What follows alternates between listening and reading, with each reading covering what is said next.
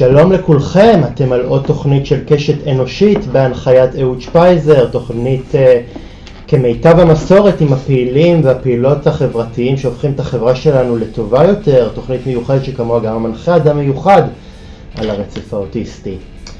Uh, לפני שאני אגש לענייני דיומה, אני רוצה להזכיר לכם קהל מאזינים, uh, אם אהבתם את קשת אנושית, אם אתם נמנים עם חוג מאזיניה, נא לשתף את התוכנית בדחיפות ברשתות החברתיות כדי שהתוכנית תמשיך לצבור קהל מאזינים נוסף. בואו נתחיל. הרפורמה המשפטית לא עוצרת, מה שמעלה את מפלס החרדה בציבור לשיא של שנים. בנימה אישית, אותי מעניין היום שאחרי, עד כמה יש מן המהלכים אה, לשינוי שיטת המשטר בארץ אה, דרך חזרה. עד כמה גל המחאות הנוכחי יפגע אה, בסיכוי הממשלה להכפיף את רצונה, וגם אה, מה צפוי להיות המאבק הבא מיד כאשר הרפורמה תושלם. האם דיכוי מפגינים או דווקא הצטרפות אה, של שירות הביטחון הכללי לטובת המחאה. משום שהש, שהמון שאלות נותרו מטבע הדברים לא פתורות, אני גאה להציג את האורח שלי להפעם.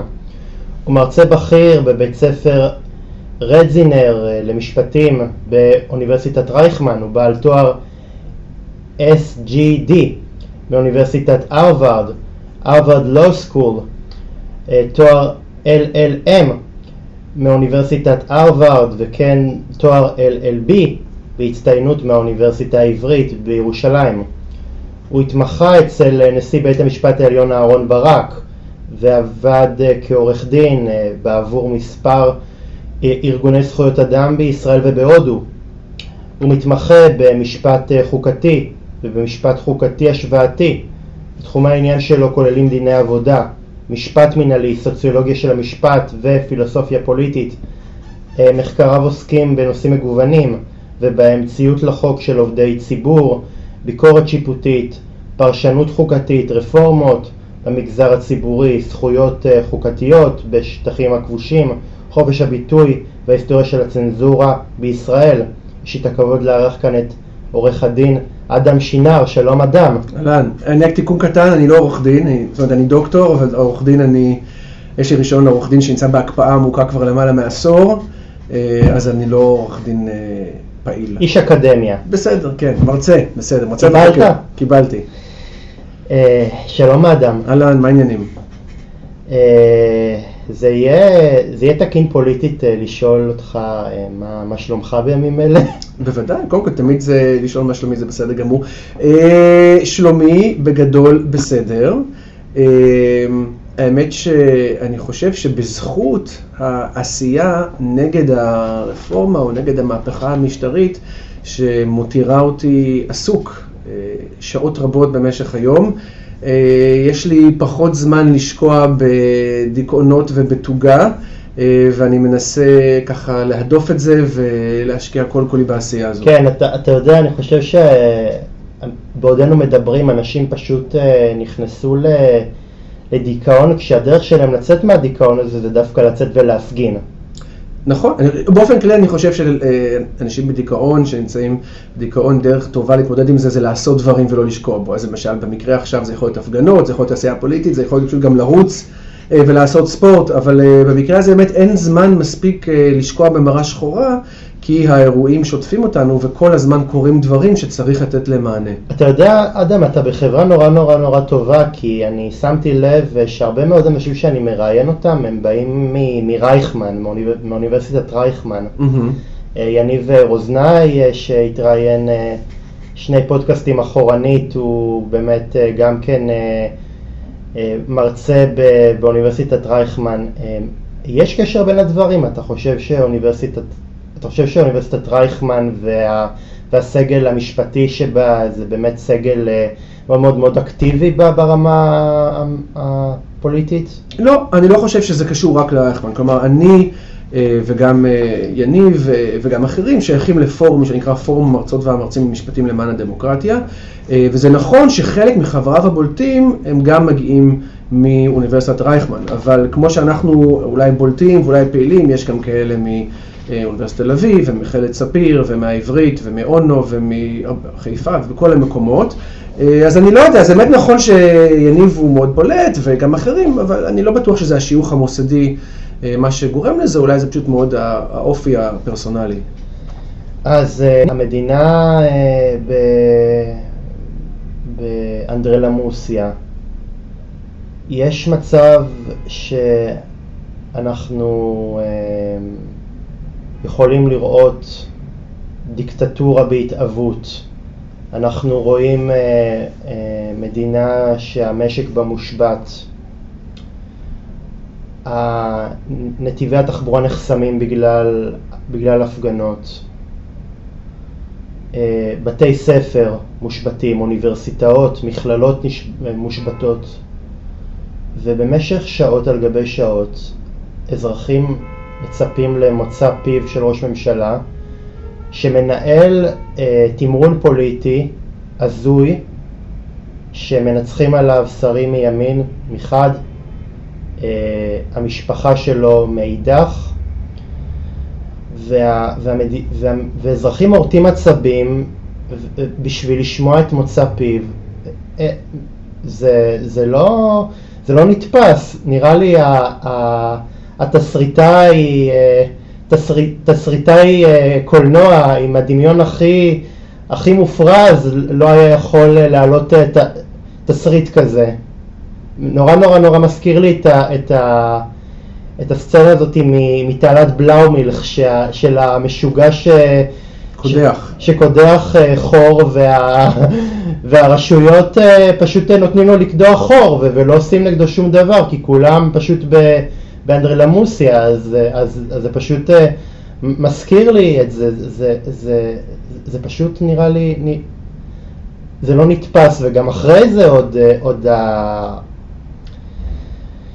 ההסכמה המופרכת, המשוגעת, שהוא נותן לבן גביר להקים משמר לאומי, מין גוף משטרתי משלו, זה... השאלה הזאת אולי טיפה מתממת, אבל האם זה, זה אפשרי בכלל? זה, זה מתקבל לדעת? הסיפור של המשטרה של בן גביר אתה מתכוון, או בכלל? כל מה כל, ה, כל הסיטואציה, כל מארג הסיטואציה הזאת. Yeah. מה, מה זה אפשרי? קודם כל, זה אפשרי במובן הזה, במובן הכי פשוט, שכן זה אפשרי, והנה זו עובדה, ועובדה זה קורה. אה, אנחנו באמת נמצאים במצב שעד לפני כמה חודשים, אני לא חושב שכמו שאמרת, אף אחד לא היה יכול לדמיין אותו. אם היו שואלים אותי, האם אני חושב, נגיד חצי שנה, לפני חצי שנה, האם אני חושב שמאות אלפים יצאו לרחובות בגלל הוועדה לבחירת שופטים. אני חושב שזה הזוי, זאת אומרת, במובן הזה, זאת אומרת, זה דברים שאנחנו מלמדים בקורסים שלנו, הם לא דברים שבגדול עניינו אותו בשנים האחרונות, ופתאום אלה הדברים שתופסים את תשומת הלב ומאות אלפים יוצאים לרחובות, וגם זה מביא לכל מיני תופעות, כמו שציינת, חסימת כבישים אה, ודברים אה, אחרים. הספציפית לגבי אה, בן גביר, צריך לזכור, יש כאן איזה הקשר, מסוים של בן גביר או המשמר הלאומי, או לא משנה איך זה ייקרא, זה לא דבר חדש. הרעיון הזה כבר היה קיים עוד אה, ב-2022, ולאחר שומר חומות, היה רעיון להקים מין כזה כוח משטרתי נוסף. הוגשה הצעת חוק בעניין הזה ב-2022, והצעת חוק הזאת לא קודמה. עכשיו, כשהממשלה הזאת, אה, אחרי הבחירות, במסגרת ההסכמים הקואליציוניים, נתניהו כבר התחייב להקמה של כוח כזה, שיהיה כפוף לבן גביר, בהסכם הקואליציוני שהוא עשה עם עוצמה יהודית. עכשיו, מה קרה? כמו שקורה הרבה פעמים אצל נתניהו וגם אצל הסכמים קואליציוניים. נתניהו לא קיים את ההסכם הזה. אז מה שקרה, מה שראינו אתמול זה שבן גביר בעצם אחז ברגע הזה שבו ראש הממשלה צריך אותו, כי כאילו הוא איים להתפטר וזה, ונתניהו מאוד רצה לשמור על שלמות הקואליציה שלו. אז הוא ראה בזה הזדמנות כדי לחזק ולעגן במפורש שוב התחייבות שכבר ניתנה לו לפני שלושה חודשים. אבל צריך לזכור שהרעיון הזה של המשמר הלאומי כבר קיים בהסכמים הקואליציוניים שכבר נחתמו על ידי שני הצדדים. עכשיו שבאמת עכשיו זה יקודם בצורה יותר משמעותית ורצינית, והנה בהסכם כתוב ש... בהסכם אתמול כתוב שביום ראשון הממשלה תקדם, ואז יהיה חוק, ואני לא יודע מה החוק הזה יהיה, אה, אבל צריך אה, לזכור שנתניהו בעצם כמו הרבה ראשי ממשלה, אבל הוא יותר, בגלל גם העניין הפלילי שסובב סביבו, מאוד מאוד תלוי בשותפים הקואליציוניים שלו. ואין לו קואליציה אחרת כרגע, הוא לא יכול ללכת ליש עתיד, הוא לא יכול ללכת לממלכתי, הוא לא יכול ללכת לעבודה כמובן, אמ, ולכן הכוח שלו להתנגד לדרישות של השותפים שלו הוא מאוד מאוד קטן, ולכן גם לא בעיה או ברירה להסכים לדרישה הזאת של בן גביר, ושכאמור זו דרישה שהיא כבר קיימת. אז אה, אדם, אה, אנחנו עוד אה, ניגש לבן גביר וחבר מירב בהמשך, אז, ואני רוצה כמה מילים על הרפורמה במשפט. אדם, ישראל מצויה בפני משבר חוקתי שלא נראה כמותו. עד כמה הסיכוי שאזרחי ישראל ידחו את המתווה של הרפורמה וישמרו אמונים לבית המשפט העליון סבירה לדעתך? אז כאן, אז זאת שאלה טובה, ואני חושב שבשאלה הזאת צריך לפרק אותה, משום שיש פה הרבה מאוד משתנים. כשאנחנו אומרים רפורמה, או אנחנו אומרים מתווה, השאלה היא למה אנחנו מתכוונים. אם אנחנו מתכוונים למשל, המתווה או הרפורמה כפי שהיא קיימת היום, אם היא תעבור בצורה הזו. זו שאלה אחת. לעומת זאת, מאוד מאוד יכול להיות שעכשיו, עם הדחייה של הרפורמה ב- למושב הבא של הכנסת, ועכשיו יהיה פגישות בבית הנשיא שוב פעם, והיום גובשו צוותים של המפלגות השונות, אה, אנחנו לא נראה אותו דבר. כלומר, יכול להיות שהרפורמה גם תיראה אחרת, והיא תיראה מדוללת. אה, אני חושב שאם, אבל לא משנה שם כרגע איך היא תיראה, בהנחה שיהיה איזשהו קונפליקט, כן? בהנחה ש... יהיו אנשים ש... או קבוצות משמעותיות שהרפורמה הזאת לא תעבור בצורה קלה, או לא תעבור בהסכמה, והמחאה לא אה, תקטן בעקבות הרפורמה הזאת, אז עולה השאלה של משבר חוקתי. שהשאלה של משבר חוקתי היא שאלה כזאת, השאלה היא לא שאלה של האם לציית או לא לציית. כן? סרבן מצפון, ש... או מרי אזרחי, שואל את עצמו, האם אני רוצה לציית? כן, כן או לא. אבל השאלה במשבר חוקתי היא לא השאלה הזאת. השאלה במשבר חוקתי היא, אני רוצה לציית, אבל למי עליי לציית? כלומר, למי יש את הסמכות להורות לי מה לעשות? האם לממשלה, או לפקיד בממשלה, או לשר מסוים, או שאני צריך לציית למשל להלכות ולפסקי הדין שיוצאים ממערכת המשפט.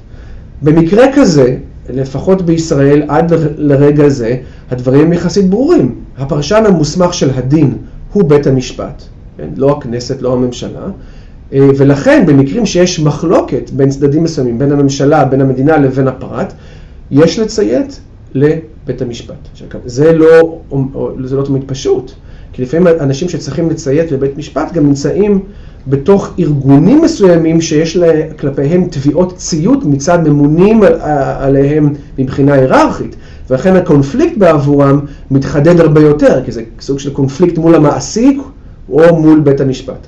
אה, ואני מקווה שאם וכאשר נגיע למצב הזה, ושאני מקווה שלא נגיע למצב הזה, הנאמנות צריכה להיות לחוק, כפי שהוא מפורש על ידי הפרשן המוסמך של החוק, שזה בית המשפט, או היועצים המשפטיים של הממשלה במקרה הזה.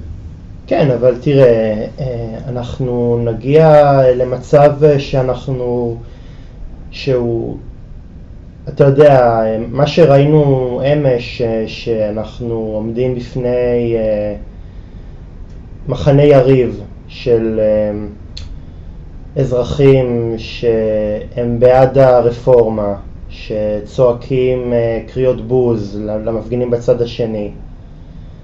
לרוב הקהל הזה הוא, הוא יותר אה, מיליטנטי ו, וזה גם למה אה, שוטר חוצץ בין שני, ה, בין שני הניצים. אז אנחנו עשויים לראות ביתר שאת מקרים כאלה?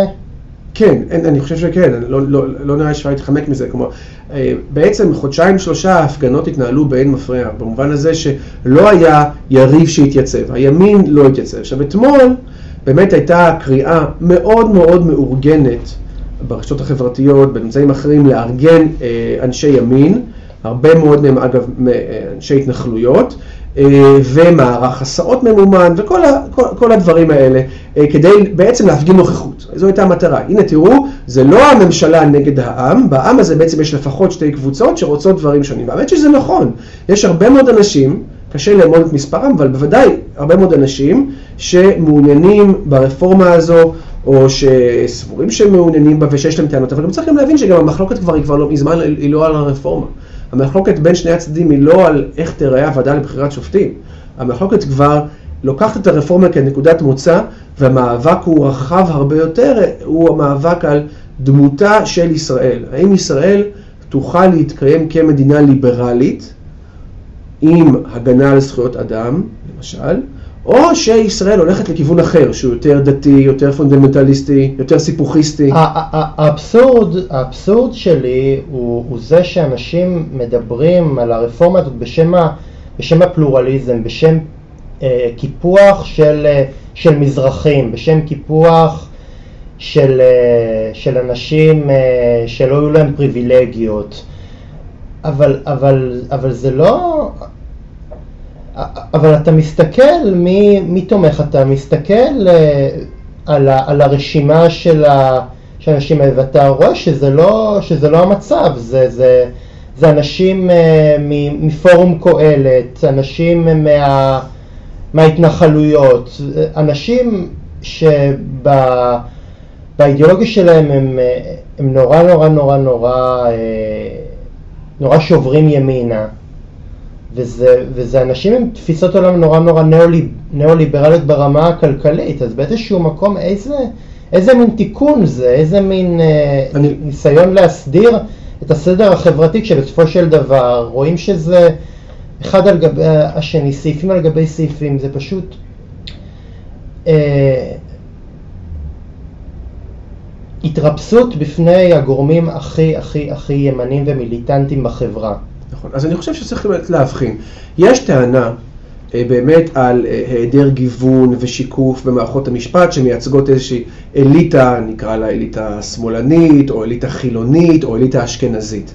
אבל צריך להבין שכל הדיבור הזה שעכשיו אנחנו נבוא ונגוון את בית המשפט, אה, אני לא חושב שזה יקרה בגלל הרפורמה. כלומר, כשאני מסתכל על בצלאל סמוטריץ', או שמחה רוטמן, או יריב לוין, או בנימין נתניהו לצורך העניין, האם באמת אפשר לגביהם, כן, לומר שהאג'נדה המזרחית זה מה שקרוב לליבם? הרי בסופו של דבר יש פה ממשלות ימין מ-77 פחות או יותר כל הזמן, הם לא דאגו לגיוון של בית המשפט העליון במזרחים, זה לא היה מספיק חשוב להם. ואני חושב ארבעה אשכנזים דרך אגב, רוטמן, נכון, לוין נכון. ונתניהו. עכשיו, ולכן אני חושב שיש פה איזו רתימה של טענות שיש להם הצדקה מסוימת, ויש להם בסיס, אבל הרתימה של הטענות האלה לטובת אג'נדה שלא תקדם את הטענות האלה. האם למשל בעקבות השינוי בוועדה לבחירת שופטים אנחנו נראה בית משפט עליון יותר מגוון? אז אני לא חושב שיכול יותר מגוון, זאת יכול להיות שיהיו בו יותר מזרחים, זה יכול להיות, אבל אני חושב שיהיו בו פחות נשים, אני חושב שלא יהיה להם מאוד חשוב לקדם להט"בים, לא יהיה להם מאוד חשוב לקדם ערבים, יהיה להם חשוב לקדם עם תפיסת עולם ימנית, שמרנית דרך אה, אגב, וכולי. דרך אגב, גם ככה אורבן השתלט על, ה, על התקשורת אה, בהונגריה, הוא רצה סיקור הוגן, ובסופו של דבר הוא השתלט על, ה, על התקשורת ו, ואחרי זה קצרה היריעה מלהשתלט גם על בית המשפט. בדיוק, זאת אומרת, כן, אם כי בהונגריה זה ההפך, בהונגריה וגם במקומות אחרים צריך להבין, וגם צריך להבין בגלל זה מה אנחנו בפורום המרצים, אבל בכלל המתנגדים לרפורמה אומרים. אנחנו מנסים להסביר שהרפורמה המשפטית היא רק שלב ראשון. המטרה להחליש את מערכת המשפט היא לא מטרה עצמאית, זו, זה אמצעי כדי להחליש מערכות אחרות. קודם כל צריך להחליש את מערכת המשפט, כי מערכת המשפט מהווה בלם חשוב, ובישראל כמעט היחיד, על כוחה של הממשלה ועל כוחה של הכנסת.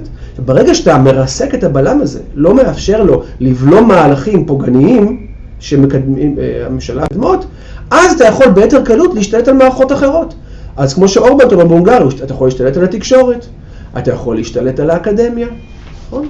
אתה יכול להשתלט על כל מיני מערכות שמהוות מקום שבו יש התנגדות לכוח הפוליטי הדומיננטי. וזו, וזו התוכנית. ולכן צריך למשל לראות את הוועדה לבחירת שופטים לא במנותק מהדברים ששלמה קרעי אומר לגבי ביטול התאגיד. ולא במנותק מהדברים ששר התרבות מיקי זוהר אומר על מימון סרטים שפוגעים בתדמית המדינה. ולא במנותק מהדברים שיריב לוין אומר בערוץ 14 על הרפורמה שהוא רוצה לחולל באקדמיה, שהאקדמיה כביכול לא תהיה רק של מרצים פרופסורים שמאלנים. זה הכל שייך לאותה, לאותו רעיון. אתה יודע, גם, זה גם לא עוצר פה, אה, יואב קיש, שר החינוך, גם אה, רוצה לשלוט בספרייה הלאומית. זה לא רק בספרייה הלאומית, זה בעצם גם על התכנים עצמם שכל התלמידים לומדים. את מי לוקח לו ביום הראשון בתפקיד, או בשבוע הראשון בתפקיד, את מי לוקח לו יואב קיש כיועצת? מישהי שהייתה בפורום קהלת, במובן הזה שהסימביוזה שקיימת בין הממשלה הזו לבין אותם גופים ימניים, ניאו-ליברליים, אה, לאומיים, אה, אה, היא מאוד מאוד אדוקה. אסור, אסור להכניס את המילה ליברלי בפורום קהלת. אמרתי ניאו-ליברלי. אמרתי ניאו-ליברלי. במשפט אחד. לא, לא, אמרתי ניאו-ליברלי. בסדר? כן. לא, תראה, פורום קהלת לשיטתם הם גוף ליברלי במובן מה שנקרא הליברליזם הקלאסי, כן אולי, של המאה ה-19. עשינו כבר כברת דרך מאז, כן, אבל הם עדיין שם. אז הם, יראו- הם, הם, הם יגידו לך ששוק חופשי זו תפיסה ליברלית, כן? כל אדם יקנה וימכור למי שהוא רוצה. מבחינתם, אם אדם לא רוצה לתת שירות לאדם אחר, כי האדם הזה הוא למשל במקרה להט"ב, או אה, כל אדם אחר, אה, זה מבחינתם אה, ליברליזם, כן? שוויון, ערך השוויון, הזכות לשוויון, מבחינתם, מבחינת רבים מהם, אני לא רוצה להגיד כולם שם, כי זה לא רוצה לצאת בהכללות, פוגעת בזכות החירות, בחופש שלי לקיים מגע ועסקים עם מי שאני רוצה. ואם אני רוצה להפלות, אז אני רשאי להפלות, לשיטתם. אדם, אה, מה שאנחנו רואים בשבועות האחרונים זה קרב ענקים בין הממשלה לאזרחיה. בעוד הממשלה ממשיכה לחוקק במרץ חוקים שחותרים תחת יסודות הדמוקרטיה, קם מולה מאבק עיקש של אזרחים שלא מוכנים לחיות תחת דיקטטורה. עד כמה גבוהים סיכוייה של הממשלה להמשיך למשול אחרי שהרפורמה תעבור ובאילו צעדים המחאה צריכה לנקוט ביום שאחרי? אז קודם כל אני חושב שצריך לדבר אולי, אולי לפני שנדברים על היום שאחרי, מדברים על היום שלפני, כי כל המטרה של המאבק ושל המחאה זה שאנחנו לא נגיע ליום שאחרי. או שנגיע ליום שאחרי כאשר הרפורמה כבר כל כך ממותנת, שהמאבק במובן הזה הצליח. אז קודם כל שהמאבק הזה הוא מדהים. במובן הזה שמאות אלפי אנשים מתייצבים כל שבוע, ולפעמים מספר פעמים בשבוע, כדי להפגין, כדי למחות, הם פעילים ברשתות החברתיות, לפעמים הם, הם לא הולכים לעבודה, הם משביתים עסקים. ה- ה- המאבק הזה הוא מרשים בכל קנה מידה. לא היה בישראל מאבק אזרחי, שגם אגב קם בצורה אורגנית. כלומר, המאבק הזה לא מנוהל מלמעלה. הוא לא מאבק שמגיע מיש עתיד, או מהמחנה הממלכתי, או ממרץ, או עבודה. זה לא, זה מאבק שמגיע מלמטה, מלמטה באמצעות התארגנות אזרחית, וההיקף שלו, והעוצמה שלו, והמשך שלו, לא זכו לדבר כזה אה, בהיסטוריה של אה, מדינת ישראל. אז זה דבר אחד, ולכן יש לו כבר הישגים במאבק הזה. עצם העובדה שהרפורמה כפי שהוצגה בהתחלה, אי אז כשיריב לוין הציג אותה, כבר לא נראית ככה היום. עכשיו אפשר לא לאהוב את המתווה החדש לבחירת שופטים, ואני לא אוהב אותו, בסדר? אבל הוא לא אותו מתווה שהוצג בהתחלה, הוא פחות קיצוני.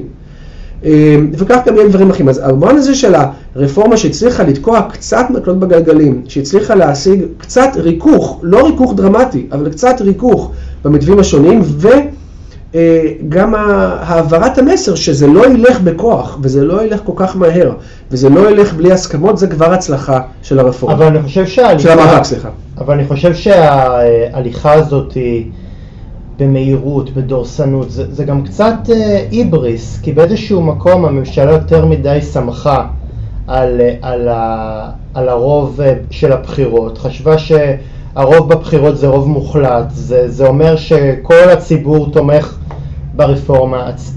הרוב הזה זה לא, זה לא היה רוב אה, ל- לריסוק, ה, לריסוק הדמוקרטיה, זה גם רוב טכני, זה לא, נכון. זה לא רוב אה, צי, נכון, אני מסכים. בציבור. אז קודם כל אני חושב שבאמת הייתה פה, אתה קורא לזה היבריס, אני חושב שהיבריס זה באמת חלק מהסיפור. אני באמת חושב שזה גם חוסר, אה, הם לא היו חכמים, כן?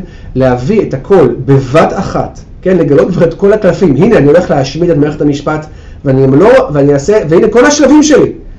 מבלי לפרק את זה לשלבים ולעשות את זה כפי שזה נעשה בדיון, זה במידה רבה הביא לכך שהמחאה הייתה אה, גם יותר מוצלחת. אם היו באים רק עם איזה רכיב אחד ורק אותו מנסים, לא בטוח שזה מה שהיה הולך עזוב את זה, עזוב, עזוב את זה, גם, גם, לרכך, גם לרכך טיפה את, ה, את, ה, את הנימה. ה, ל- להייטקיסטים הם קראו פריבילגים. למילואימניקים אמרו לכו לעזאזל. כן, נכון. אה, היה אפשר גם קצת למתן, למתן טונים, להיות טיפה יותר, אה, אה, לבוא למשא ומתן בצורה קצת יותר, אה, יותר מקרבת, להשתמש בטון, וזה פשוט טעות אחרי טעות אחרי טעות אחרי טעות אחרי טעות, וגם, לא, וגם לא היה מהטעות הזאת דרך, אה, דרך אה, חזרה, אתה יודע. כל, כל הקואליציה הזאת אמרה, אמרה שגינו בהסברה, לא הייתה, לא הייתה הסברה מ-day one, לא, לא עשיתם שום, שום הסברה, רפור, רפורמה כזאת גרנדיוזית ו- ולא חשבתם אפילו לרגע אחד להסביר את זה, לדברר את זה? הרפורמה היא באמת גרנדיוזית, לא, הייתה, לא היה ניסיון להסביר את זה, ואגב, גם לפני הבחירות, בזמן, בזמן הקמפיין לקראת הבחירות, גם אז לא, הייתה, לא היה דיון, זה לא שלא אמרו לא נעשה רפורמה במערכת המשפט. אמרו, אבל הפרטי פרטים האלה, כפי שזה קרה, בוודאי לא אה, דוברר, ומצד שני אני גם חושב שיהיה, גם אם היו עושים את הדברים האלה, אלה דברים שמאוד קשה לדברר. כן, להגיד, אנחנו הולכים לבטל את כל הזכויות החוקתיות שלכם, דה פקטו, זה משהו שאתה יודע, היכולת שלך לדברר את זה היא מאוד מאוד מוגבלת. אנחנו הולכים להשתלט על הוועדה לבחירת שופטים ולמנות שופטים מטעם לכל הערכאות, גם המדברר והדובר הכי מוכשר כנראה שלא היה זה, ולכן, קודם כל, זה, לא- ולכן אני רוצה להגיד, זה לא רעיון של, הבעיה פה היא לא הסברה. אי אפשר להסביר מדיניות גרועה. כשהמדיניות שלך היא גרועה, זה מזכיר לי קצת, תמיד אומרים, אה, בחו"ל לא אוהבים את ישראל ויש לנו בעיה עם ההסברה. אבל אף פעם לא צריכים לחשוב, רגע, אולי הבעיה היא לא עם משרד החוץ, אולי הבעיה היא לא עם ההסברה, אולי הדברים שישראל עושה הם באמת דברים לא טובים, שלא ראוי לעשות אותם, ודברים כאלה, אתה יודע, אי אפשר לעבוד על כל האנשים כל הזמן. ולכן גם היינו לוקחים את הדוברים הכי מוכשרים, בסופו של דבר קשה מאוד להסביר ולשכנע אנשים שצריך להשמיע את מערכת המשפט. והבעיה עם אנשים כמו יריב לוין, שיריב לוין, אה, שהוא בהרבה מובנים כנראה פוליטיקאי מאוד חכם, מאוד יעיל, מאוד ציני, גם ברור שהוא מונע פה מתחושה של שנאה ונקם כלפי המערכת המשפט, והשנאה הזאת והנקמה הרצון לנקמה, שלא ברור מה המקור שלה, אה, מעוורים אותו, ולכן הוא, הוא, יכול, הוא חושב שהוא יכול להתייצב בשמונה בערב בחדשות מול המצלמות ולהגיד, תראו, הנה כל הרכיבים שלי ואני הולך לעשות את כולם ביחד.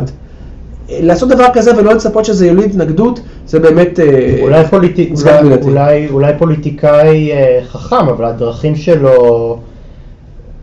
אבל, אבל ביצועיסט רע מאוד, אם, אם, אם ככה אתה מבצע את, את הדברים שלך, ככה אתה מבצע את המדיניות שלך, אז אתה כנראה ביצועיסט מאוד מאוד מאוד לא... לגבי לא זה טוב. כנראה, אבל צריך גם לזכור שבאמת בעקבות הדברים האלה גם קמו מנגד גופים שלא היו קיימים עד עכשיו.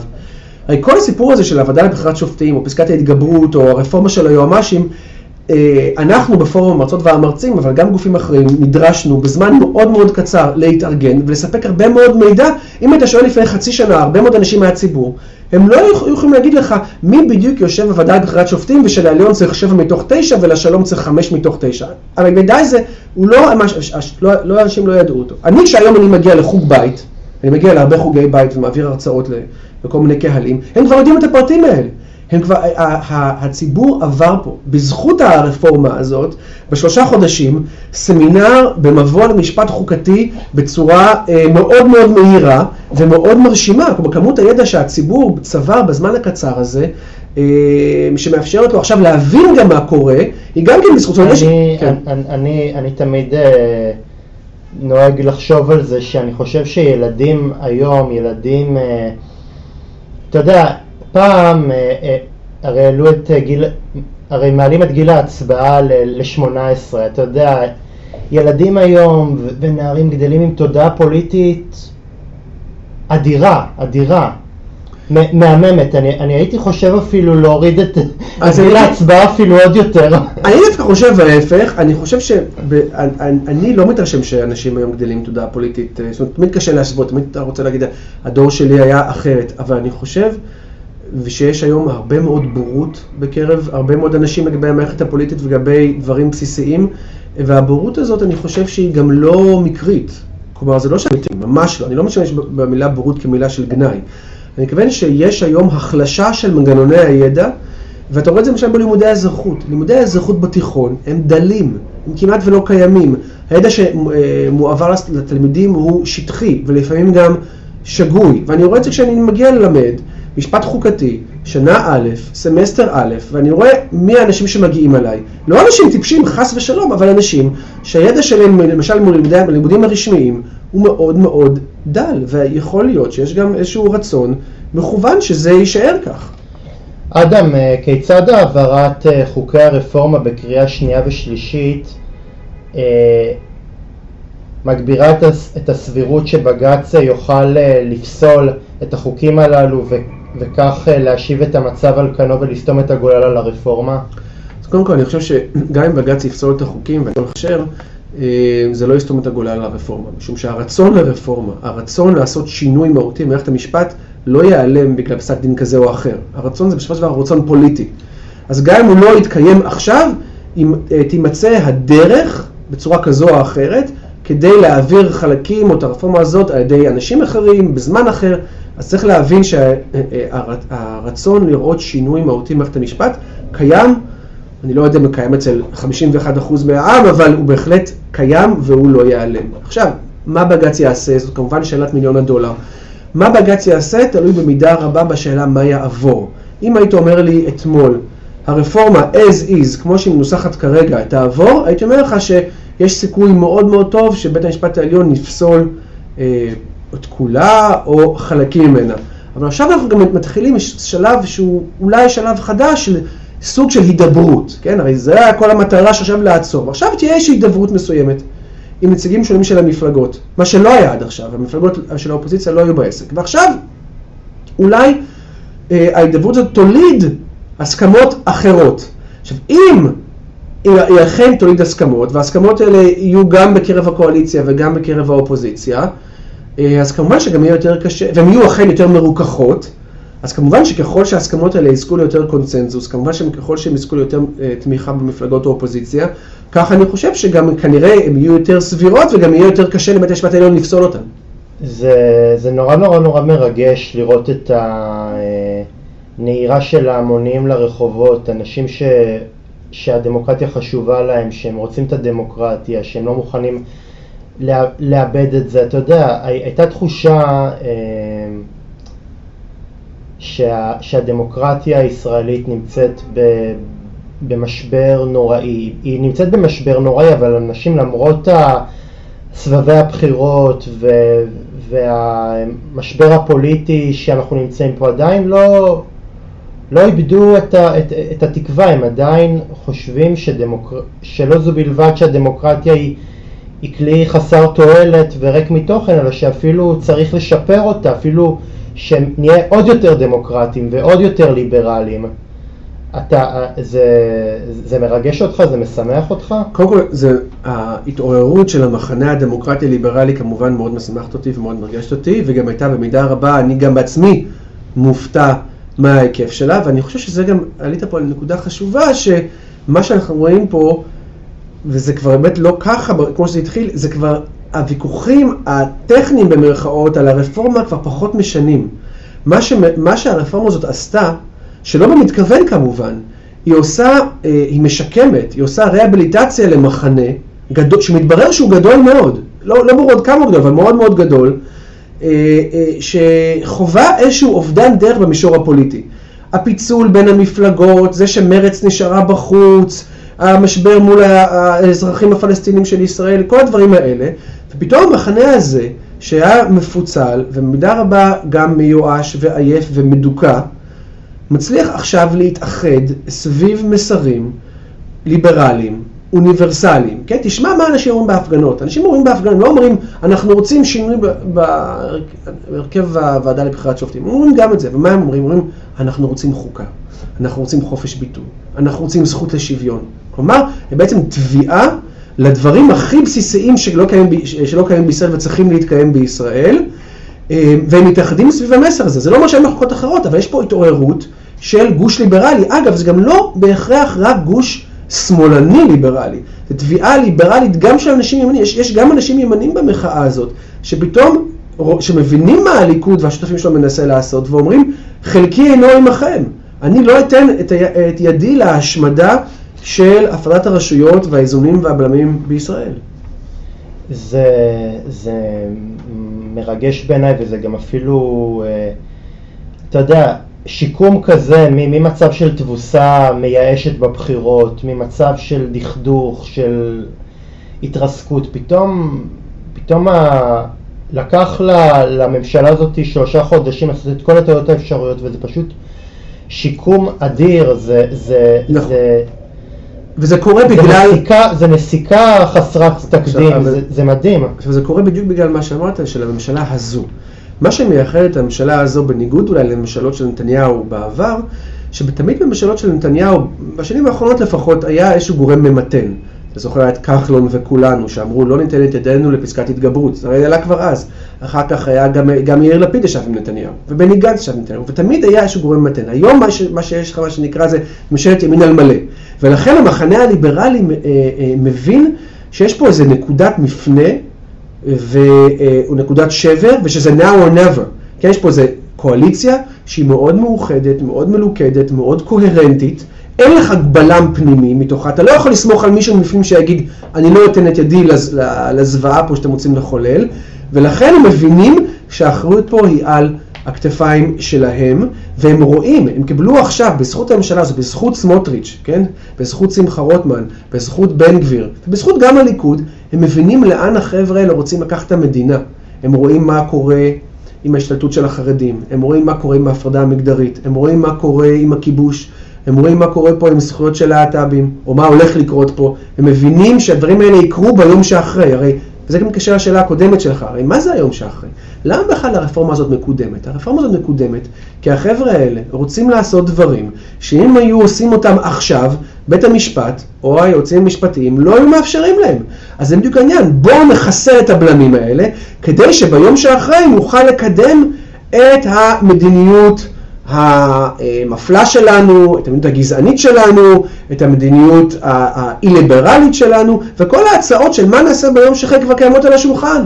חוק יסוד ההגירה של שמחה רוטמן, האפליה שבעלי אה, עסק יוכלו לתת, אה, חוק יסוד אה, לימוד תורה, הפגיעה ביכולת של ערבים להשתתף בבחירות. כל הדברים האלה, אלה לא דברים תיאורטיים, אלה דברים שהם כבר הוצאו בצורה כזאת או אחרת, בין אם כהצעות חוק, או שנמצאים בהסכמים קואליציוניים, וברגע שאתה מסיר את הבלמים, ברגע שהכוח הפוליטי יהיה בלתי מוגבל, אלה הדברים שהאנשים האלה מתכוונים לקדם. אדם, אה, כיצד אה, בתקופה הזאת אה, תוכל המחאה להנמיך את הקיטוב ההולך וגובר בעם ולהשיב את הסדר החוקתי על כנו? שאלה טובה, אני לא בטוח שיש את התשובה עליה. זאת אומרת, קודם כל, המציאות היא שכיום באמת ישראל מאוד מקוטבת. ישראל תמיד, אגב, הייתה מקוטבת. אז זה לא משהו חדש, הרי היה כיתוב גם אחרי רצח רבין, או לפני רצח רבין, הכיתוב הפוליטי בין ימין ושמאל, או אה, בין קבוצות אחרות, הוא לא אה, אה, חדש. אה, אני לא בטוח עד כמה המחאה כרגע, שוב, אני לא, אתה יודע, אני לא מנהל את המחאה, אני לא יודע, קודם מאוד קשה להשתלט על המחאה. המחאה הספציפית הזאת היא גם דבר שהוא מאוד מבוזר. אין אה, מנהיגים ברורים.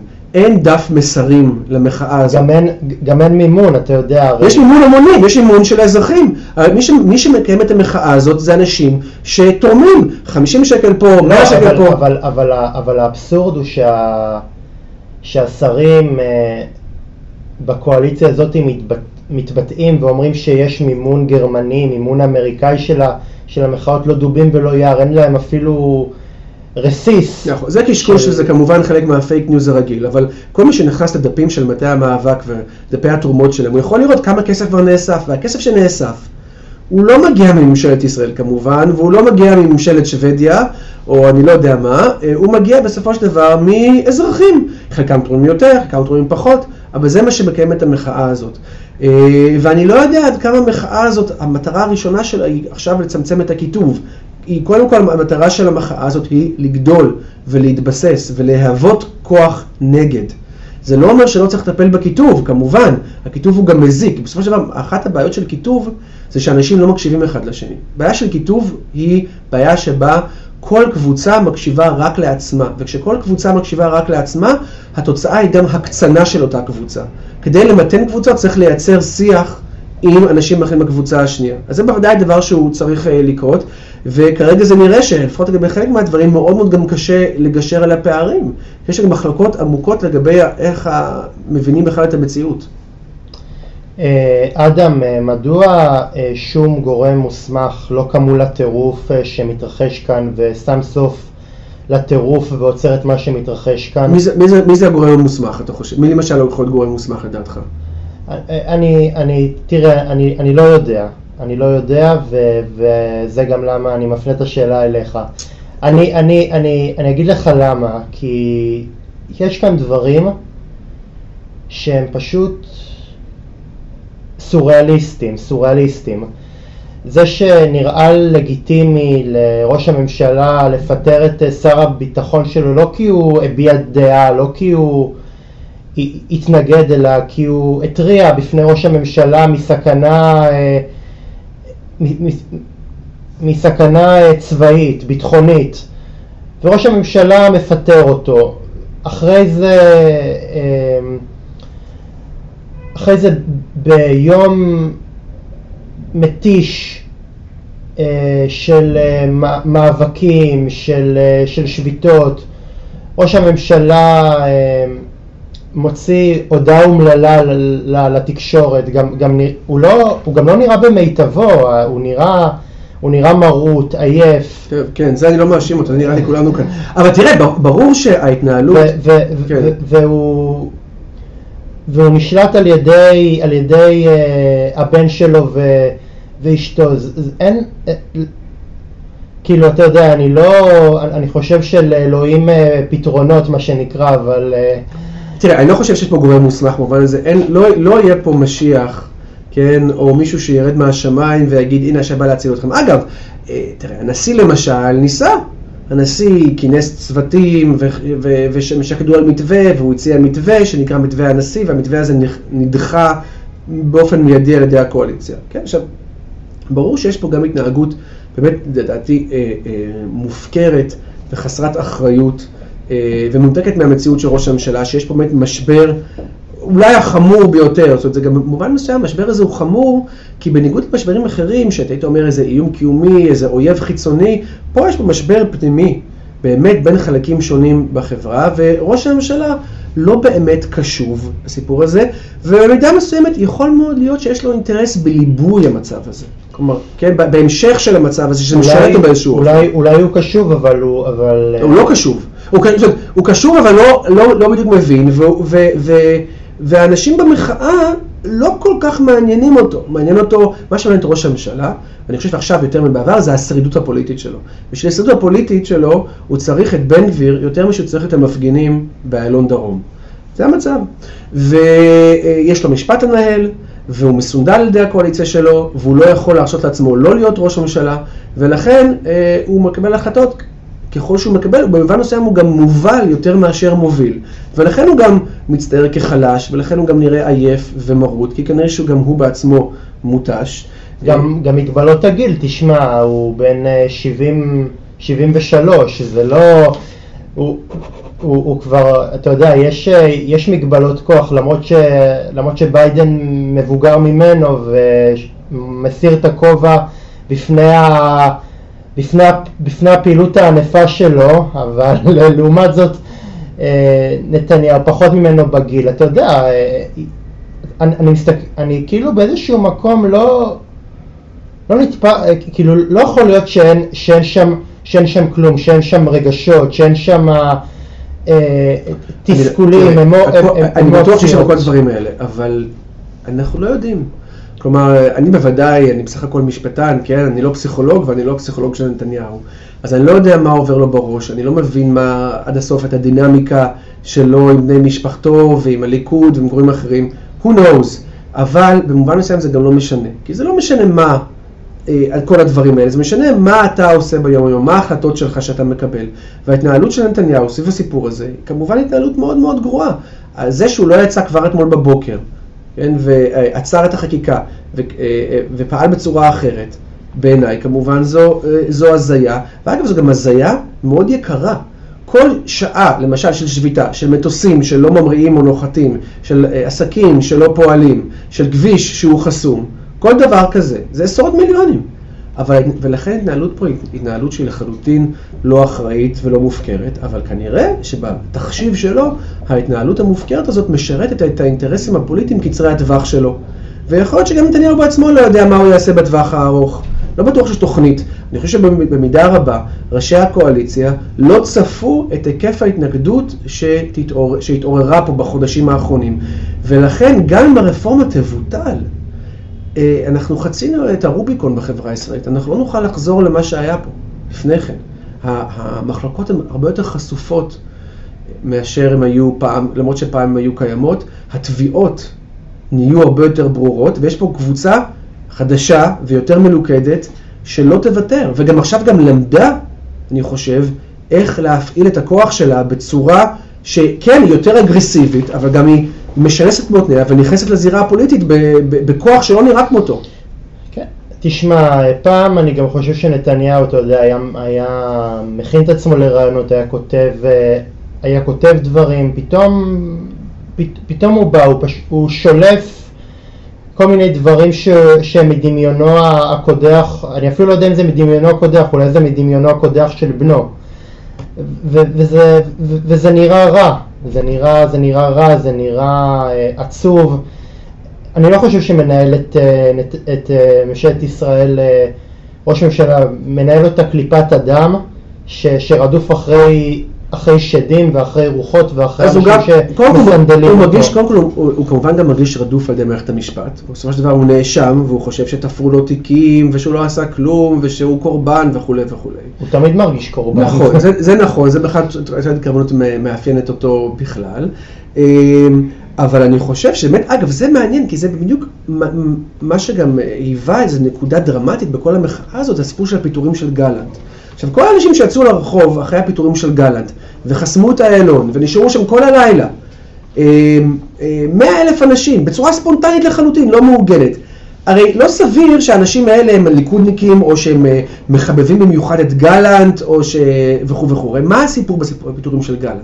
הסיפור הוא שזו הייתה אינדיקציה, אולי מאוד מאוד ברורה, ששיקול הדעת של ראש הממשלה לחלוטין פגום. כלומר, הנה בא בן אדם שעומד בראש מערכת ביטחונית, מקבל ייעוץ וחוות דעת מגורמים מוסמכים ומציג איזשהו תרחיש סביר של התפרקות ושל סכנה לביטחון מדינת ישראל, ונתניהו מנפנף את זה, מה זה מנפנף את זה? מפטר את הבן אדם כי לא יודעת מה שיש לו להגיד, אה, ובתוך כך גם אולי מסכן את ביטחונם של אזרחי ישראל. והנקודה הזו, ש, שזה מה שמנחה את נתניהו, ושזה שיקול הדעת שלו, זה גרם לאנשים, אולי יותר מכל, להרגיש איזושהי נקודת מפנה ושבר שהביא אותם להתפרץ ממש באופן ספונטי תוך, תוך דקות מההודעה הזאת אה, לכיוון אה, קפלן ואיילון ומוקדים אחרים בארץ, כי הם הבינו שמשהו פה מאוד מאוד לא תקין. אה, אני חושב אה, של, שלא זו אף זו, נראה לי שיש שני... אה, יש שני אה, אפשרויות אה, למה שאנחנו רואים כאן. או שאנחנו נצא מפה לתקופה אה, של, שאני יודע מה, של... או של התעלות גדולה מאוד, של איזושהי תקופה חדשה ו- וטובה יותר, או שאנחנו נצא מפה לגיהנום ולמדינה בקריסה ובאנרכיה מוחלטת, זה שני האפשרויות. כן. טוב, תראה, אני קודם כל חושב לגבי מה שקרה אתמול וכל העצירה, מה שבוודאי צריך זה לא להיות שאננים. אם מישהו חושב שהחרב הוסרה מעל ראשו, שההפיכה המשטרית הזאת לא הולכת להתקיים, אז הוא טועה. בסופו של דבר היא נדחתה בחודש. הכנסת תחזור ב-1 במאי מהפגרה שלה, הדברים האלה יקודמו, יש מספיק אנשים שרוצים את זה, הקואליציה רוצה את זה, ולכן לחשוב שניצחנו פה מבחינת המאבק, זו לא מחשב, זה בוודאי לא נכון, והאקדח אה, מוצמד לרקה.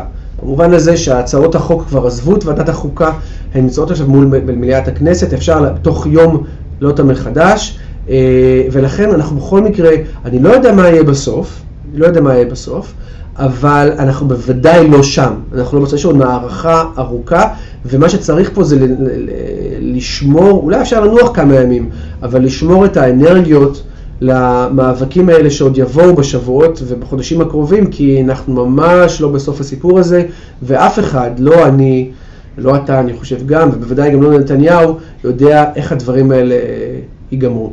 אדם, בעידן אה, של כיתוב אה, פוליטי, אה, איזה צביון צריך לשוות למוסד הזה שנקרא בית המשפט העליון? למה הכוונה?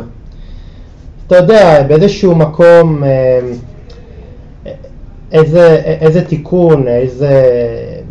כאילו, בהנחה שהרפורמה של יריב לוין ושמחה רוטמן זה לא, ה, זה לא הפתרון, איזה, איזה כן... אה, על מה, על מה כן אפשר לוותר או על מה כן אפשר כן, להתגמש? כן. אוקיי. אז קודם כל צריך להבין, אני לא שותף להנחות היסוד שמנחות את אנשי הרפורמה, כן?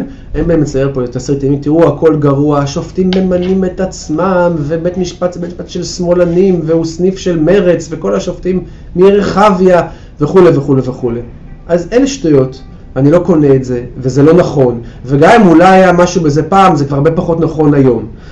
אה, ולכן צריך מאוד להיזהר שאתה כבר ישר בא להתפשר עם האנשים האלה, בכלל להבין על מה אתה מתפשר איתה, ובכלל אם אתה מסכים עם הנחות המוצא שלהם, שאני לא מסכים איתם.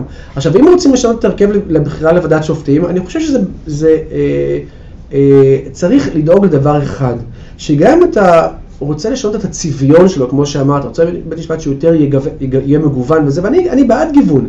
הרפורמה זה לא הדרך להשיג את הגיוון הזה. ואפשר גם להשיג שופטים אה, יותר שמרנים, או יותר אה, אה, אה, מזרחים זה העניין, גם תחת השיטה הקיימת, ואגב, גם היום, אם אני מסתכל היום על בית המשפט העליון, האם אני מזהה, האם בית המשפט העליון זה בית משפט של איזה woke, שמאל פרוגרסיבי? רחוק מכך, בית המשפט העליון הוא, בית המשפט שלדעתי, אם אני צריך ככה לקרוא את הפסקי הדין שלו, נע ככה בין המרכז שמאל למרכז ימין. הוא לא בית משפט רדיקלי בשום מובן שהוא, כל, הר... כל הדיבורים על בית משפט שתוקע מקלות בגלגלים, סופר אקטיביסטי, לא מאפשר למדינה להילחם בטרור, זה קשקוש בלבוש, ולכן לא צריך בכלל להאמין לדברים האלה, לבחון את הדברים להווייתם. ולכן אני בכלל חושב שצריך להיות הרבה יותר סקפטיים לגבי הדברים, הרעיונות האלה של, של לשנות את הדברים האלה, כי אני לא חושב שהשיטה הנוכחית היא בעייתית. אני לא חושב שהיא בעייתית, אני לא חושב שהיא מביאה לנו שופטים רעים, אני חושב שבמסגרתה אפשר למנות מגוון רחב של שופטים כמו שיש גם היום. אדם, כיצד התיקונים הקלים לכאורה ברפורמה בדמות הוועדה לבחירת שופטים תשנה מהיסוד הצביונה הליברלי של מערכת המשפט הישראלי? אז אם אנחנו מסתכלים על המתווה האחרון שפורסם, זה המתווה שהוועדה הצביעה עליו ושעכשיו עבר למליאה, הם לא תיקונים קלים, על פניו נראים קלים, אבל הם לא קלים, משום שמה שהם יאפשרו, הם יאפשרו לכל קואליציה למנות, לעליון לפחות, את שני השופטים הראשונים, אבל הם מבטלים גם את השיטה של הסיניוריטי, שבו נשיא בית המשפט העליון מתמנה לפי הוותק שלו, מעבירים את הבחירה הזאת לבחירה פוליטית, ובגלל שממשלות בישראל מכהנות לא כל כך הרבה זמן, תוך זמן קצר, עשר שנים, חמש עשר שנים, רוב שופטי העליון יהיו מינויים פוליטיים. עכשיו, אני לא בא לומר ששופט שמתמנה בצורה פוליטית הוא בהכרח שופט לא טוב, שהוא לא, היא, לא משפטנים טובים. זה לא העניין. אבל מה שהעניין פה, הוא שיש פה, בגלל הפוליטיזציה של המינויים, וצריך גם לזכור, זה לא רק המינויים לעליון, זה המינויים לשלום ולמחוזי ולבתי הדין לעבודה ולבית משפט לענייני משפחה. כל המערכת תעבור פוליטיזציה, ולכן יש פה איזו השחתה של המערכת, שכרגע אה, מתנהלת לפי שיקולים מקצועיים, שיש רכיב דומיננטי בוועדה של עורכי דין ושופטים שאמורים להביא את הפן המקצועי, וגם בית המשפט העליון עצמו, בית המשפט העליון עצמו זה בית משפט שחלק גדול מהתיקים שלו זה בכלל לא בג"צים, זה ערעורים פליליים, זה ערעורים, ערעורים אה, אזרחיים, ערעורים מנהליים וכולי. אה, אנחנו נראה פוליטיזציה של כל הדרג הזה, ואנחנו כבר נתחיל לחשוב על מערכת המשפט שלנו כמערכת פוליטית. אנחנו כל הזמן, כל הזמן נשאל, רגע, מי השופט הזה? ומי מינה אותו? ואיזה ממשלה מינתה אותו? כן? כלומר, אנחנו נתפוס את מערכת המשפט, אנחנו נתפוס את המשפט כדבר שהוא פוליטי במובן המפלגתי. לא סתם פוליטי במובן של חלוקת כוח בחברה, אלא במובן המפלגתי. זה בית משפט של הליכוד, זה בית משפט של יש עתיד, זה בית משפט של, של, של ציונות דתית, או אני לא יודע מה. והמחשבה הזאת והשינוי המבני הזה שבית המשפט יעבור, הוא הרסני. בחברה דמוקרטית. ולכן למשל שאנשים אומרים, אנחנו נהיה כמו ארצות הברית אולי, א', זה לא נכון, זה לא נכון, לא ארצות הברית, אבל מי רוצה להיות ארצות הברית? זאת אומרת, השיטה הפוליטית של המינוי שופטים בארצות הברית, בעיניי היא שיטה מאוד מאוד גרועה. אני לא רוצה את ארצות הברית.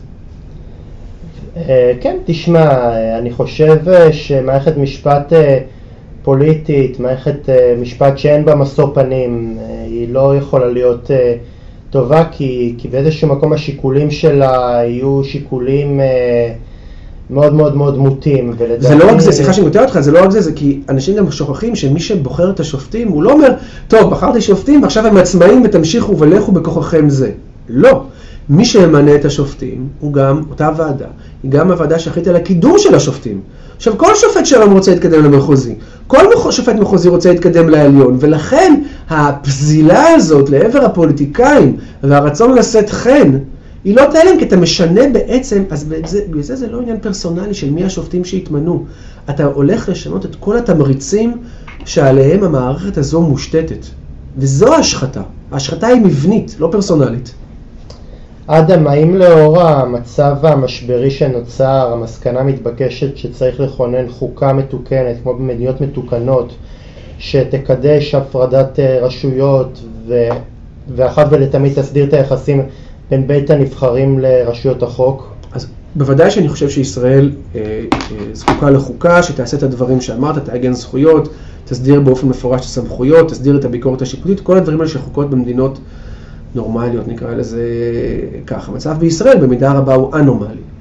הבעיה היא, לא שאנשים לא חושבים שצריך חוקה, הרבה אנשים חושבים שצריך חוקה. הבעיה היא שהאם ניתן להגיע להסכמות סביב חוקה במסגרת החברה הישראלית שיש בה מחלקות מאוד בסיסיות ועמוקות בין אה, אולי נגיד יהודים לפלסטינים, בין דתיים לחילונים וחרדים, בין אה, אולי נשים לגברים, לגבי, בין מזרחים ואשכנזים, יש המון המון מחלוקות בחברה הישראלית שמתנהלות סביב קבוצות זהות, וכמובן שגם לא אמרתי גם מחלוקות בין ימין ושמאל, כן?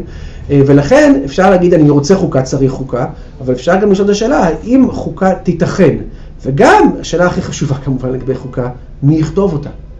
במידה רבה התוכן של החוקה יהיה תלוי במי יכתוב אותה. אם עכשיו אתה אומר לי, בסדר, תהיה חוקה, אבל מי שיכתוב אותה זה סתם, כן, נגיד אה, סמוטריץ' ובן גביר. אז אני אגיד לא, לא תודה. כי החוקה הזאת לא תהיה חוקה טובה, זאת לא חוקה שתדאג לשוויון. זאת לא חוקה אה, אה, אה, שתדאג לצדק חלוקתי, זו לא תדאג, חוקה שתדאג לזכויות חברתיות וכלכליות. אז צריך, כשאומרים צריך חוקה זה לא מספיק, צריך לראות איך אנחנו מכנסים גוף שיכתוב חוקה, מה הפרוצדורה לכתיבת החוקה, מי יאייש את הגוף הזה, ואחרי שאמרנו את כל זה, האם יש בכלל יש היתכנות בחברה הישראלית כיום לעשות את כל הדברים האלה ולייצר מסמך שיהיה מוסכם גם על הימין וגם על השמאל. ואני חושב שהסיכויים לכך כרגע הם, נגיד את זה כך, הם לא גבוהים.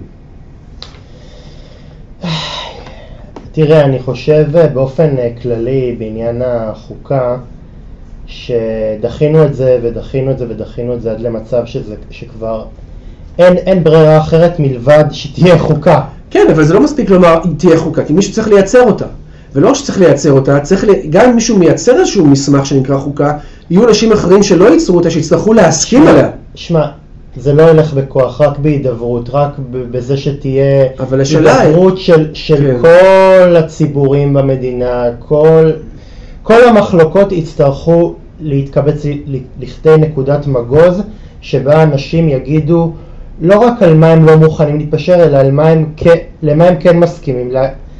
אני חושב שבאיזשהו מקום מאסתי בשיחה על, על, מה, על מה אנחנו לא מסכימים. צריך למצוא אחת ולתמיד מקום שבו חילונים ודתיים כאחד מסכימים עליו.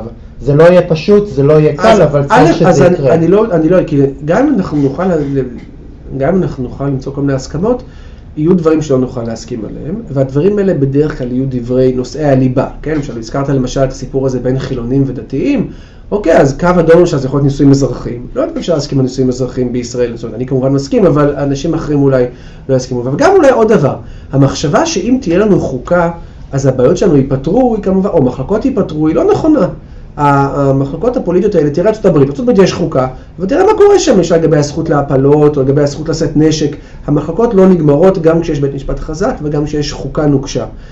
אז זה לא, החוקה בסך הכל אולי קובעת איזושהי פרוצדורה כדי ליישב את המחלוקות האלה, אבל אני לא חושב שהחוקה גם תציל אותנו, זה לא יהיה סוף הסיפור. היא לא, היא לא תציל אותנו, אבל בוא נגיד היא תציל אותנו מעצמנו, כי אנחנו באיזשהו מקום, אה, תשמע, לא חשבנו בחלומות הכי פרועים שלנו שראש ממשלה ינצל לקונה, איזושהי פרצה בחוק ושבאיזשהו מקום אה, לא, לא מעמיד, באיזשהו מקום אה, לא, לא מדיחה ראש ממשלה עם, אה, שלוש, עם שלושה כתבי אישום וישתמש בזה ובאיזשהו מקום יהיה ראש ממשלה. במדינה שבה אין את הלקונה הזאת, ראש ממשלה פשוט קם, נכון. קם ועוזב. אבל, אבל הסיפור פה באמת לא רק סיפור של חוקה, הסיפור פה הוא בעצם גם סיפור של נורמות ותרבות פוליטית. דבר כזה היה קורה בבריטניה, ראש הממשלה היה קם ועוזב. והוא היה עושה את זה גם בלי חוקה. בבריטניה אין חוקה שאומרת, עושה את זה ודאי. אבל בישראל, זאת אומרת, בבריטניה למשל יש, הרע, יש את הרעיון של It's not done, כן? למרות שמותר לך לעשות משהו, אנחנו פשוט לא עושים את זה. בישראל, כל הרעיון של not done כבר לא קיים, וספק רב אם הוא היה קיים אי פעם. ולכן It's done. ומה שצריך גם להסדיר פה, לשפר פה, זה גם להחזיר נורמות של תרבות פוליטיות שלא תלויות במשפט. שיש דברים שלא, הנה נתן לך דוגמה מתחום אחר, כן? כולם, כמעט כולם יודעים שביום כיפור לא נוסעים, נכון? נכון. עכשיו, למה הם יודעים את זה? למה הם לא נוהגים ביום כיפור? האם יש חוק שאוסר על נהיגה ביום כיפור? לא, אין חוק, אבל אנחנו יודעים, it's not done. זה יום חשוב, זה יום קדוש, יש אנשים שצמים, אנחנו לא פוגעים ברגשות של אף אחד. לא צריך חוק שיגיד את זה לאף אחד, ואנשים מצייתים. הרעיון הזה של אצנת דן, שאולי קיים לגבי יום כיפור, לא קיים לגבי התרבות הפוליטית בישראל. אולי כי אנחנו פשוט הורגלנו לזה, אנחנו פשוט אולי הורגל, הורגלנו לתרבות פוליטית מושחתת, ואתה יודע, ובאיזשהו מקום זה, זה נחשב לנורמה שפוליטיק, אני, אני חושב שזה מזעזע שאנחנו חושבים ככה, אבל באיזשהו מקום אנחנו חושבים ש, שפו, ש, שפוליטיקאים ברגע שהם מגיעים ל, לראש הפירמידה הם, הכוח משחית אותם והם נהיים מושחתים. יש ויש, לא כולם ככה, אבל נתניהו כנראה ידע ש, שהוא יכול, שזה יעבור לו, שהוא יכול, שהוא can get away with it, כן? שהוא אמר, יש לי תמיכה פוליטית מוצקה מהבייס שלי, מהימין, הם רוצים אותי, אז השמאל יתקומם, לא נורא. לא מפריע לי יותר מדי. אדם, לקראת אה, סיום, בהנחה והרפורמה עוברת, באיזו טקטיקת פעולה המפגינים יצטרכו לנקוט כדי למחוק כל זכר לרפורמה? אם הרפורמה תעבור והיא תעבור בצורה קיצונית שלה, כמו שהיא, כן, לא בצורה שיהיו סביב ההסכמות, תראה, אם היא תעבור בצורה שהיא מוסכמת ומדוללת וממותנת, אז אולי גם לא יהיה צורך במאבק, כי בעצם הרפורמה אולי גם תהיה סבירה, ואז לא, לא על זה. אם היא תעבור בצורה יותר קיצונית, מה, מה המתנגדים יכולים לעשות? אמ, אז קודם כל כמובן יש את האפיק המשפטי, שיוגשו עתירות לבג"ץ ונראה מה, מה בג"ץ יחליט ויש סיכוי לא רע שהם אה, אה, אה, ייפסלו, אבל מטה המאבק, המאבק והמחאה יצטרכו להתארגן בצורה יותר עוצמתית כדי לבטל את הרפורמות האלה, כלומר יצטרכו להתארגן פוליטית, לשקם את המחנה הנגדי, לדאוג לכך כמה שאפשר שבבחירות הבאות, אם וכאשר יהיו בחירות, אז גוש אחר ינצח. וכ... וברגע שהוא ינצח, לבטל את הרפורמות האלה. זה מה שצריך לעשות. אדם, אה, לסיום, ברוח הימים האלה אתה נעשה יותר אופטימי או יותר פסימי באשר למה שמתרחש כאן? אז קודם כל, אני באופן כללי בן אדם מאוד פסימי. אני, אני לא, אני אף פעם לא אופטימי לגבי דברים שקשורים לישראל או להתנהגות האנושית. אה, אני מעודד מהיקף ועוצמת המחאה שקמה פה. אה, אני לא, אני עדיין חושש מאוד לגבי העתיד המיידי והארוך טווח. בטווח הארוך אני פסימי, ואני משתדל להיות קצת יותר אופטימי לגבי הסיכוי שלנו בשבועות הקרובים. אתה יודע, המשפט אה, מעודד זה המשפט, זה הדבר הכי רחוק שאפשר להוציא מבן אדם פסימי, שהוא יגיד שהוא מעודד. נכון, אז זה לא מעט. אה, וזה גם משהו, ו... ונקווה שאני גם, שיש, שיש על מה לסמוך על התחושות האלה של העדות, ונקווה שהמחאה אה, תימשך, ואני מקווה שהאופוזיציה גם תהיה קשובה למחאה, אה, ואני מקווה שננצח. אז אדם, בנימה לא אופטימית ולא פסימית זאת אנחנו נסיים, ואני רוצה להודות לך ולהודות לכם, קהל מאזינים, שהאזנתם לקשת אנושית. אני הייתי אהוד שפייזר, אתם הייתם על הפודקאסט שלי, פודקאסט חברתי. אה, אם גם אתם רוצים לקחת חלק בתוכנית שלי, נצרו איתי קשר מספר טלפון 050-353-1729, כמו כן גם צרו איתי קשר במייל שלי, אהוד שפיצר, שטרודלג'ימל.קום. תודה רבה לכם, שבוע טוב ולהתראות.